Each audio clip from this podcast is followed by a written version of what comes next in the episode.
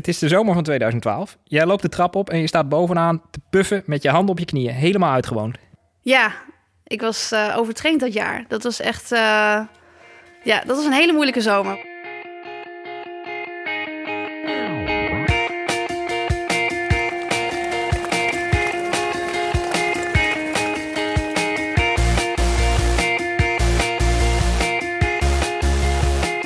Welkom bij de derde aflevering van Suzy Q&A, de podcast over hardlopen, training en deze keer ook over een straalt in Berango, denk ik. Ik ben Olivier Heimel, hoofdredacteur van Runners World en naast mij zit de ster van deze show, de nummer 5 van de wereld op de 10.000 meter, Susan Crummins. Hi!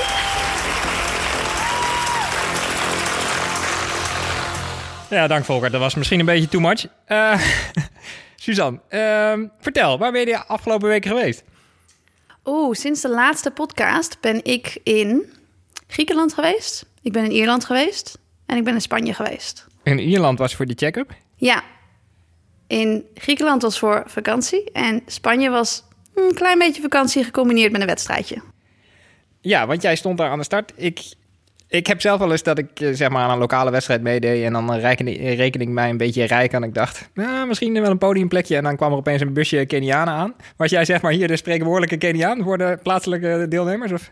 Uh, nee, het was al aangekondigd. En uh, ja, degene die. Uh, was een meisje die, die meedeed. En zij had de afgelopen vijf edities gewonnen. En zij, wil, zij, wilde deze wel heel graag winnen.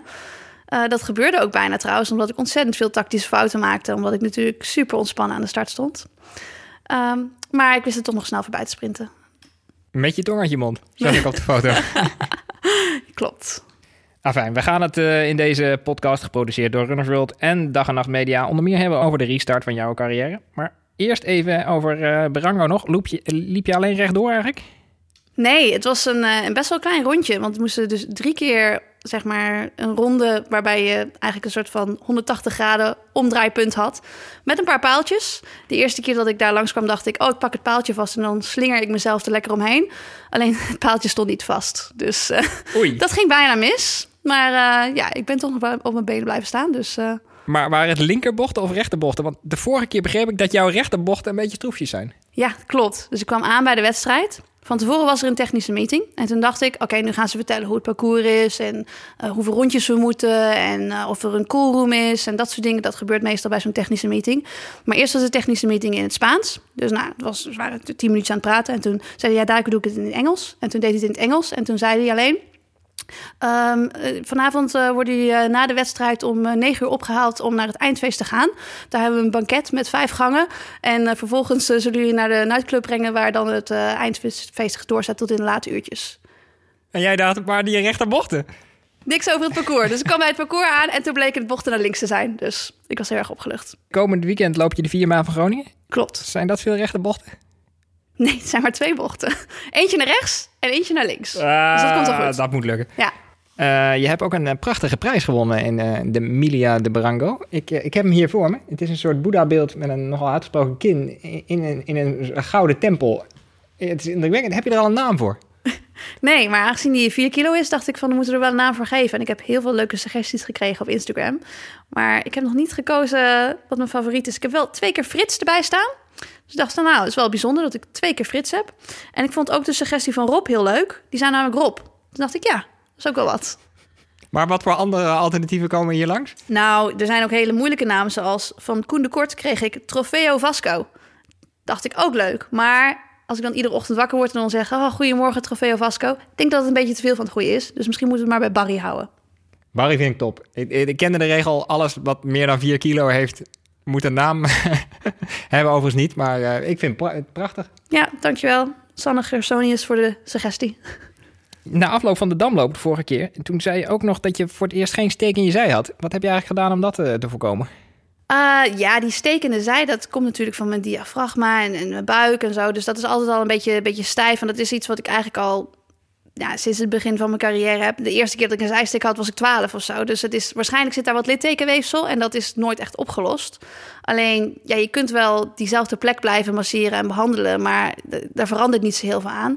En nu hebben we dus eigenlijk een beetje groots aangepakt, ook vanuit mijn nek en mijn schouder en eigenlijk alles eromheen aan die rechterzijde moet gewoon helemaal 100% los zijn als ik een wedstrijd inga. En dat is, uh, ja, soms zijn dat best wel moeilijke dingen om te behandelen, ook omdat, nou ja, de, de fysio's behandelen eigenlijk altijd mijn benen en mijn voeten en mijn Achillespezen en dat is iets wat niet zo vaak gedaan wordt. Dus nou, ik moet eigenlijk een beetje leren wat, wat voor mij werkt.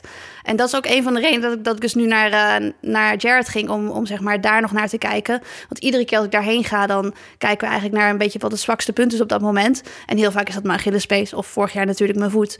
Maar nu is, gaat dat gelukkig allemaal goed. Dus dan hebben we eigenlijk zoveel mogelijk gekeken... hoe we nou die steek kunnen voorkomen in lange wedstrijden. En we gingen heel makkelijk over het woord uh, diafragma heen... maar dat is een soort tentcel dat tussen je buik en je ja, dat gebruik je om zeg maar adem te halen, om, om, je, om je longen te vergroten. Als je dus heel diep ademhaalt, dan gebruik je je diafragma.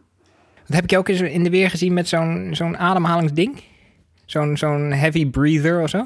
Oh, een, uh, een power breathe. Ja, een power breathe, ja. ja. dat, dat, ik heb dat wel eens gebruikt, inderdaad. Ik, uh, ik moet zeggen dat ik dat, dat ik dat niet heel vaak... Uh, ja, dat ik dat eigenlijk niet lang genoeg heb gedaan... Om, om echt te kijken of ik daar veel voordeel bij heb. Maar ik denk wel dat het iets is als ik eenmaal al die spieren... en zoals dat al ontspannen is... dan kan ik dat ook wat meer gaan trainen. Maar ja, op het moment als je zeg maar een stijve kuit hebt... en daar heel veel oefeningen op gaat doen... dan wordt het er niet beter van. Je moet eerst eigenlijk het probleem oplossen. Dus ik denk dat dat meer iets voor de toekomst is. Ja, ja, ik word er altijd een beetje lachen van, die Power Want ik heb ooit een demonstratie gehad. Toen kwam de man van de Power naar me toe, dat weet ik nog. En die had een, een Ierse rugbier meegenomen... die heel goed, heel diep kon ademhalen. Maar af en toe in het gesprek begon hij gewoon opeens heel diep ademen. Terwijl ik me probeerde te concentreren op de technische details van deze uitvinding. Um, maar goed, ik heb het zelf, nooit zelf gebruikt, dus ik ben wel benieuwd. Oké. Hey, uh, voordat we het verder over uh, voeten en zijen gaan hebben... wil ik nog even terug op een heel uh, belangrijk moment in je carrière, las ik. Het is de zomer van 2012. Jij loopt de trap op en je staat bovenaan te puffen met je handen op je knieën. Helemaal uitgewoond. Ja, ik was uh, overtraind dat jaar. Dat was echt... Uh, ja, dat was een hele moeilijke zomer. Want ik, ik wilde natuurlijk de Olympische Spelen halen in Londen. En ik had, daarvoor had ik een aantal jaren waarin ik steeds eigenlijk geblesseerd raakte. En, en daardoor niet de trainingen kon doen die ik wilde doen. Dus toen had ik het jaar, zeg maar in 2011, besloten: oké, nu ga ik het beter aanpakken. En dan zorg ik ervoor dat mijn lichaam sterker wordt, zodat ik niet steeds geblesseerd raak. Nou, dat was dus gelukt. Dus ik was super sterk en ik kon alle trainingen doen die ik wilde doen. Alleen nu was ik opeens overtraind. Dus toen dacht ik van ja, nou ben ik een keertje niet geblesseerd. En nou loop ik toch iedere wedstrijd dat ik zeg maar, ik liep toen nog 1500 meter. Dat ik na 400 meter al dacht van nou, uh, waar is de finish nou? Ik, ik, ik, ik heb gewoon niks meer in me om nu nog te versnellen. Dus nou, dat was heel moeilijk natuurlijk, omdat ik sowieso de limiet niet liep. Maar ik voelde me ook heel slecht en uh, ik had gewoon rust nodig. Dus ja, inderdaad, ik liep toen de trap op en ik was helemaal buiten adem. Dus uh, ja, ik wist wel dat er goed, iets goed mis zat. En dat was eigenlijk een beetje voor mij het moment dat ik dacht van ja, waar ben ik eigenlijk mee bezig? Moet ik hier nog wel mee doorgaan? Ja, ja, want als je nu zeg maar iets tegen die Suzanne zou mogen zeggen, wat zou je dan zeggen? Uh, ja, ik ga deze keer wat meer filosofische vragen. um, dat je uh, trust your instincts, zou ik zeggen. Want uiteindelijk had ik. Ik denk dat een van de redenen dat ik ook niet zeker wist dat ik door wilde gaan, was omdat mensen in mijn omgeving ook zeiden van ja. Uh, je hebt ook gestudeerd. Je kunt natuurlijk ook een keertje iets met je studie gaan doen. En uh, ja, dat lopen, je krijgt er toch niet zoveel voor terug. En, je, je stopt er wel heel veel tijd in. En ja, ze hadden het er eigenlijk gewoon een beetje over alsof het een hobby was. Terwijl ik de beste van de wereld wilde worden. En ergens, deep down, had ik zoiets van... ja, maar ik ben ook heel goed. Het komt er op de een of andere manier alleen niet uit. En er moesten wel heel veel dingen veranderen natuurlijk. En uiteindelijk heb ik die dingen ook veranderd. En weet ik nu gelukkig dat het goed is dat ik door, ben doorgegaan. Maar op dat moment had ik wel veel twijfel. En uiteindelijk heb ik toen heel veel mensen gesproken... en ook om advies gevraagd. En het was wel grappig. Iedere keer als ik iemand uit Amerika sprak... dan zeiden ze van ja, maar als je ook maar gewoon 1% kans denkt te hebben om de Olympische Spelen te halen, dan ga je er toch gewoon helemaal voor. En dat is ook weer lekker typisch Amerikaans, weet je wel. Dus dare to dream en weet je wel, ga ervoor. Dus nou, uiteindelijk hebben dat soort opmerkingen er wel eigenlijk voor gezorgd dat ik besloten heb van oké, ik ga het gewoon nog een keer proberen, maar nu anders. En want anders? Wat, wat heb je anders gedaan sindsdien? Nou, ik ben... Wat zou je willen zeggen tegen iedereen die boven aan de trap staat te puffen? dat je te hard getraind hebt, dat je gewoon een dutje moet doen. ja, nou, uh, ik ben met een andere coach, ben toen met, met Nick gaan samenwerken. Maar ik heb me ook op andere afstanden gericht, meer op de lange afstand. En ik ben gewoon iets minder intensief gaan trainen en eigenlijk meer naar mijn lichaam gaan luisteren. Dus ja, uiteindelijk haalde ik meer uit mijn trainingen, ook omdat ik daaromheen meer uitrustte en gewoon um, eigenlijk me focuste op twee trainingen in de week die belangrijk waren. En die andere duurloopjes die ik eromheen deed, was het niet zo dat ik de hele tijd op mijn GPS-horloge zat te kijken van, oh, welk tempo ben ik nu aan het lopen? Maar die deed ik gewoon op gevoel. En dat is ook iets wat Nick altijd heeft gezegd dat heel belangrijk is. Die twee trainingen die zwaar zijn, daar moet je klaar voor zijn. En dan zei ik van, oh, maar hoe hard wil je dan dat ik die duurloopjes tussendoor doe? Zei, dat maakt me helemaal niks uit. Maar ja, als het dinsdagochtend is en wij die training op de baan hebben, dan moet jij ervoor zorgen dat je er staat. Het maakt me niet uit hoe je er staat, maar je moet er wel staan. En tijdens die training maakt hij dat dan ook wel duidelijk met zijn blik als je er niet staat, zeg maar? Of hoe moet ik me dat voorstellen? Ja, nou ja, je probeert toch een beetje als je aan het rennen bent naar een complimentje te vissen. En dat is bij Nick niet zo makkelijk. Dus bijvoorbeeld na, na het EK zei hij, uh, zei hij van, oh, that was very good. Hij is vrij droog. Dus, uh, uh, okay. ja, ja. en soms na een training, als je echt de beste training van het jaar hebt, dan zegt hij, excellent. Dus hij is een man van weinig woorden. Maar ja, als je dan zo'n compliment krijgt, dan, uh, ja, dan betekent het wel echt wat. Wauw. Uh, even iets heel anders. Volkert, start de muziek. Du har kanskje lagt merke til det. Henrik Philip og Jakob Ingebrigtsen. Løpebrødrene som slår usannsynlige rekorder og snakker janteloven midt imot når de ubeskjedent sier høyt 'Vi vil bli best'. Suzanne, wat is dit? De Leupenbrødre. dat is mooi, hè? Britse. Ja, het lijkt wel een Noors gerecht of zo. Maar nee, het is, uh, dit is uh, de Inge Britse familie. Die hebben een, uh, ja, een soort van real-life soap. Een soort van Kardashians van de atletiek, zullen we maar zeggen. En ja, die kijk ik, dat vind ik echt een, een mooi programma. Dus het is, ja, het is, ze, ze, worden gewoon gevolgd in hun leven. En het zijn drie broers die hardlopen. Het zijn alle drie 1500 meter lopers. Maar de hele familie is nog veel groter. Want ze hebben volgens mij iets van tien kinderen of zo. Ja, het Um, oogt als een heel naar kloonproject. Wat het eigenlijk ook is. ja, naar kloonproject. Ja, die vader heeft al in een van de eerdere afleveringen gezegd zoiets van... uh, ja, ik wil nog meer kinderen, want mijn team moet groter worden. Dus het was wel inderdaad een soort van... Uh, ja, kijken of ik nog meer goede hardlopers kan produceren. Uh, later is hij daar wel een beetje op teruggekomen en zei hij van... nee, ik, ik, vind het gewoon leuk. Kinderen zijn leuk en ze mogen zelf weten of ze lopen. En het is ook inderdaad, er is een, wel een soort van tweedeling in die familie, zie je. Dat er een aantal van die jongens die hebben gezegd van... oké, okay, ik ga nu stoppen met lopen en die, die horen er ook niet meer echt bij. Um, en er is ook één dochtertje van, ik denk dat zij een stuk jonger is. En uh, ik heb gezegd van, ja, Ingrid heet zij. Als Ingrid mij gaat inhalen, dan uh, ga ik met pensioen. Jacob Ingebritsen, de jongste, dat is ook de beste. Die was pas 17 toen hij dit, deze zomer Europees kampioen op de 1500 en op de 5000 werd. Dus ja. ze kunnen wel degelijk echt behoorlijk hard lopen. Jij kent ze ook, denk ik? Ja, tuurlijk. Want ik zie ze veel op het circuit en bij wedstrijden en zo. Dus uh, nou ja, ik, ik ik heb ze eigenlijk best wel vaak al gesproken voordat ik ze ooit op tv zag. Dus dan, dan is het wel een beetje gek om dan op tv later te zien van... oh ja, dat was die maand dat zij ook in St. Moritz waren en dat ik zo daar sprak. Dus dat het loopt ook een beetje achter de show. Dus dan is het wel grappig om achteraf te zien dat, dat er iemand heel erg aan het panikeren is over een blessure... en uiteindelijk toch terugkomt en de medaille wint. Of uh, juist andersom, dat er eentje... nou ja, Hendrik die is wel eens dat hij, uh, dat hij denkt van... nou, ik ben de beste en die, die broers van mij die gaan mij nooit inhalen. En dat, ze, dat hij dan later dat jaar door hen allebei wordt ingehaald en, uh, en zijn PR eigenlijk verbeterd worden. Ik ben natuurlijk bereid om hier mijn favoriete Netflix-serie voor op te offeren. Maar uh, vertel nog eens even, wat is hier zo leuk aan? Ja, het is natuurlijk een hele gekke situatie om tien kinderen te hebben en de helft van die, die lopen echt op professioneel niveau. En dan die vader, die coacht ze ook nog allemaal. Dus je ziet gewoon hoe die dan die rol van vader eigenlijk wil aannemen soms. Maar dat kan dan niet, want dan moet hij weer de strenge coach zijn. En ondertussen heb je de moeder die in, op de achtergrond allerlei dingen en zaken regelt. En ja, eigenlijk de laatste keer dat ik de Inge Britsers ook bij een wedstrijd zag, was in Zagreb. En toen wilde ik eigenlijk naar ze toestappen en zeggen van is je moeder er ook? Want ik wil graag een handtekening.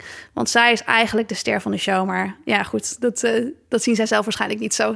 Maar de ster omdat zij ja, gewoon alles, alles ervoor zorgt dat alles geregeld wordt. En als er dan een van de kinderen dan ergens uh, een sponsor verliest en daardoor uh, de huur niet meer kan betalen, zegt ze: Oh ja, kom maar bij ons weer in de kelder wonen. En dan richt ze het allemaal goed in. En dan doet ze de was gewoon voor, voor tien kinderen en alle vriendjes en vriendinnetjes die dan ook weer in dat huis komen wonen. Nou ja, het, ze regelt gewoon alles. Komt er op een dag een uh, docu-soap van uh, de Crumminches?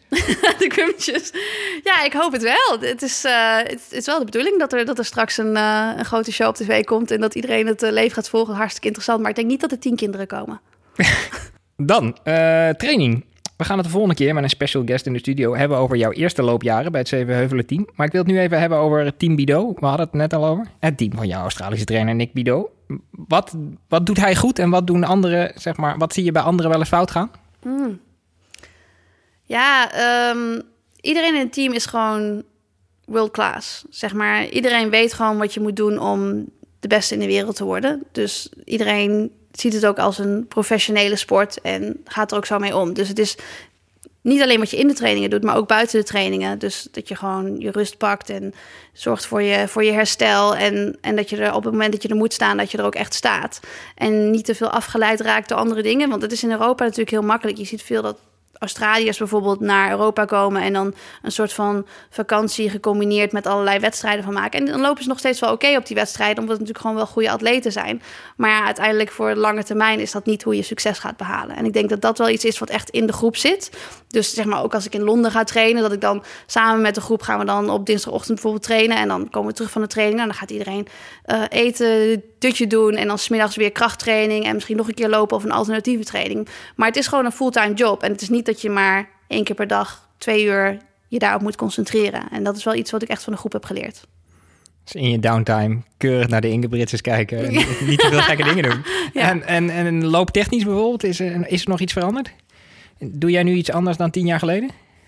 Uh, nou, zoals Nick naar trainingen kijkt, het, het, maakt het gewoon allemaal een stuk simpeler. Hiervoor had ik steeds van, oké, op de, bij deze baantraining moet ik uh, dit 400 in dit tempo lopen en dan dit 800 in dat tempo. En veel te veel naar allerlei details aan het kijken. Terwijl het gewoon het grote plaatje niet helemaal klopte. Dus uiteindelijk moest ik gewoon meer kilometers maken. En ook meer rustige kilometers maken. Maar ook gewoon het hele jaar door harder trainen. In plaats van je heel erg te richten op één wedstrijd. En te denken van oké, en dan moet het daarheen. En dan moet het daar moet, moet er gepiekt worden.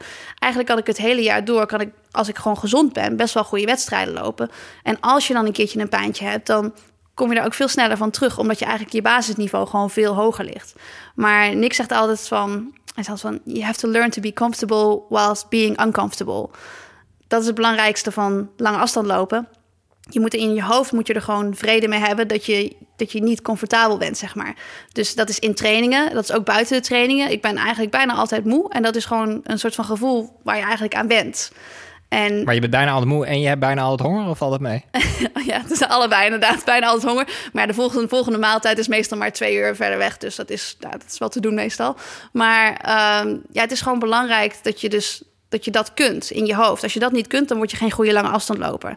En dat, dat geldt zeg maar in het algemeen dagelijks leven. Dat je dus moet blijven pushen. En dat ja, het is niet heel spannend als je twee keer per dag traint en tussendoor dutjes doet. En ja, alleen maar de hele dag aan het eten, trainen, slapen bent. Het is niet heel spannend. Maar uiteindelijk is dat de moeite waard als je dan je wedstrijden loopt. En hetzelfde is dat eigenlijk in een wedstrijd, zoals bijvoorbeeld het EK, dat je dan ja, kunt blijven pushen terwijl je je niet goed voelt. En dat je, je kunt altijd meer dan je hoofd denkt. Maar je moet daar wel aan leren wennen dat dat zo is. En, en technisch, ja, ik blijf er nog even op doorgaan. Wat, wat roept hij roept die billen hoog of nee. heupen laag? of uh, wat, waar moet ik aan denken? Nee, nee, dat, nee, technisch daar doet hij niet zoveel mee. Dus het gaat echt meer om, om het programma wat je doet. En hij kijkt er wel naar hoe je eruit ziet. Hij kan zien als ik, als ik een slechte dag heb, dan kan het zijn dat ik nog steeds dezelfde tijden loop als die ik op een goede dag zou lopen. Maar dan ziet het er gewoon anders uit.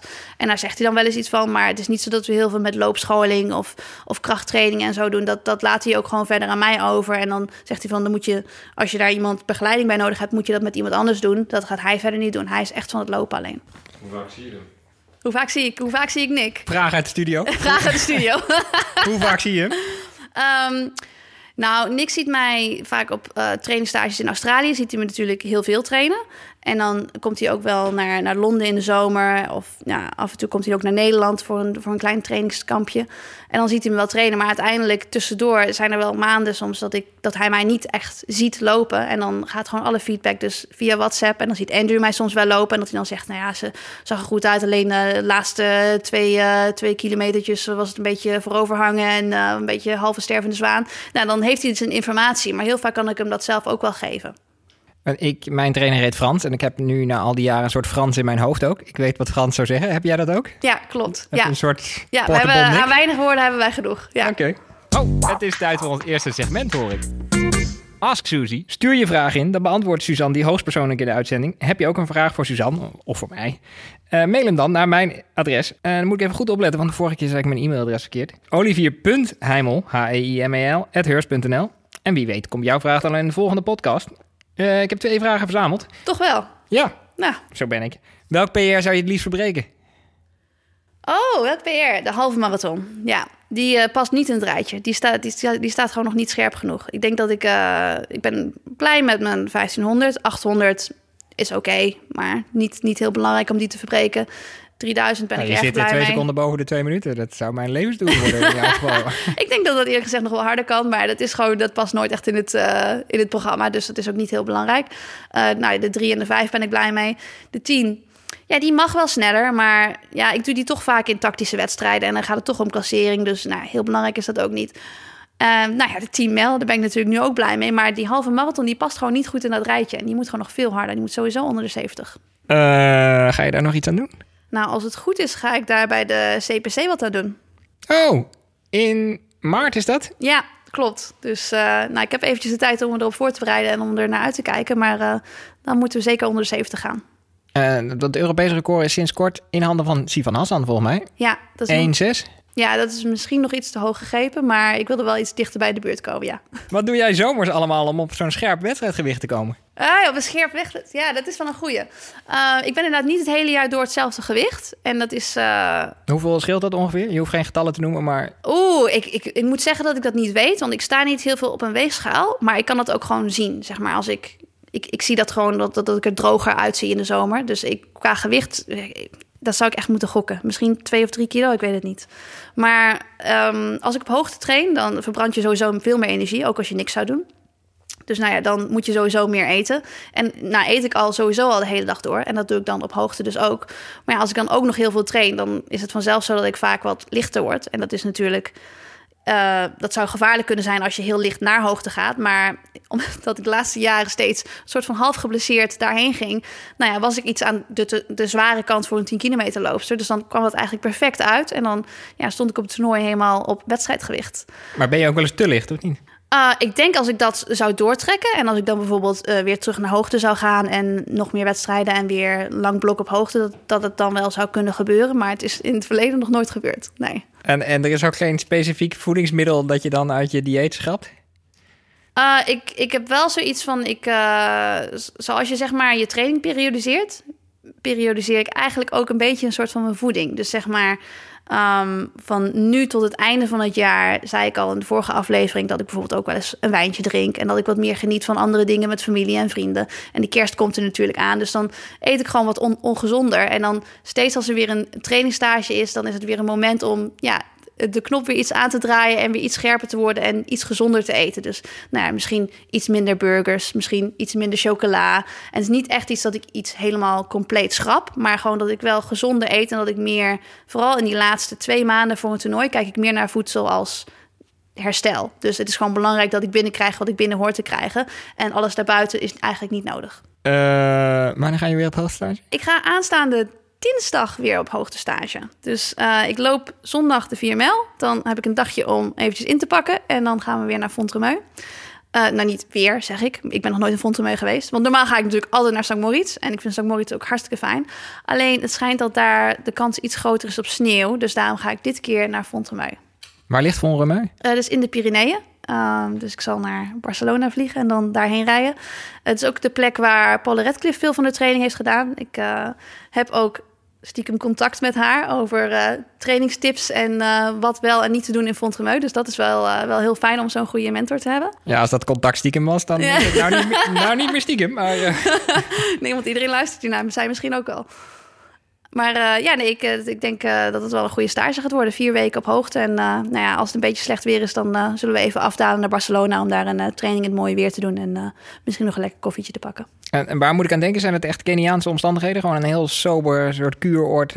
Achtige bedoeling met een atletiekbaantje en... Het, het schijnt wel zo te zijn, ja. Maar omdat ik er niet geweest ben, weet ik het natuurlijk niet. Maar ja, wat dat betreft, voor een, voor een trainingsstage is het op zich niet heel erg. Dan is het wel weer heel makkelijk om je te focussen en gewoon je trainingen te doen. En ja, gewoon niet afgeleid te raken. Nou, de volgende keer als ik je spreek, zit jij daar. Dus dan uh, nemen we de accommodatie even samen door, uh, stel ja, ik me zo voor. nou, ik ga gelijk door met ons tweede segment. Ik ben gek op deze segmenten. Het woord van de week.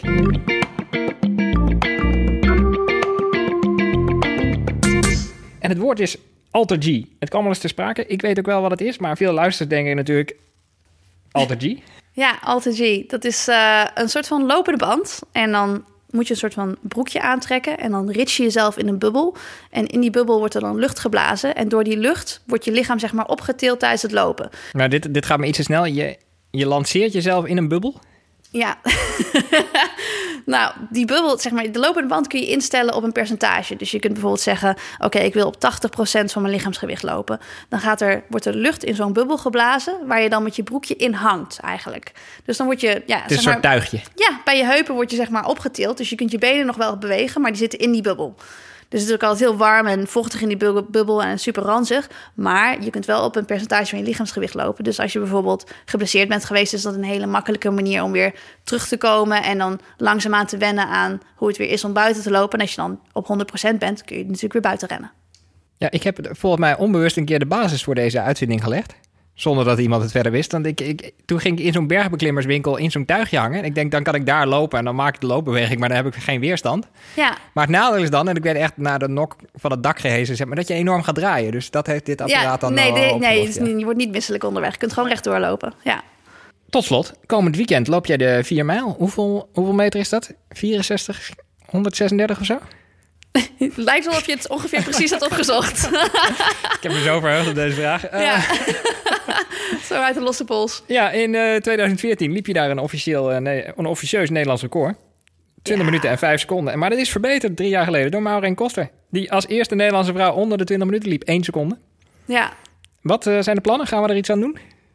Ja, daar gaan we wel iets aan doen. Dat eh, moeten we wel onder kunnen. Maar ja, Marijn doet ook weer mee, dus we moeten er allebei onder, toch? Ja, ja zeker. Ja. ja, ik heb je ook vol zelfvertrouwen over het eh, EK Cross gehoord. Van we hoeven die cup alleen maar op te halen. Of zo. Heb ik het echt zo gezegd? Oh jee. Nou ja, zo was het samengevat. Ja, dat klopt toch wel. nou, eh, we, we gaan het zien. Ja, ik heb er zin in in ieder geval. Nou, de- dit was hem dan, de derde Suzy Q&A. Dank Volkert van Dag en Nacht Media voor de productie. En dank u, beste luisteraar, voor het luisteren. Ook namens Suzanne, blijf luisteren en lopen.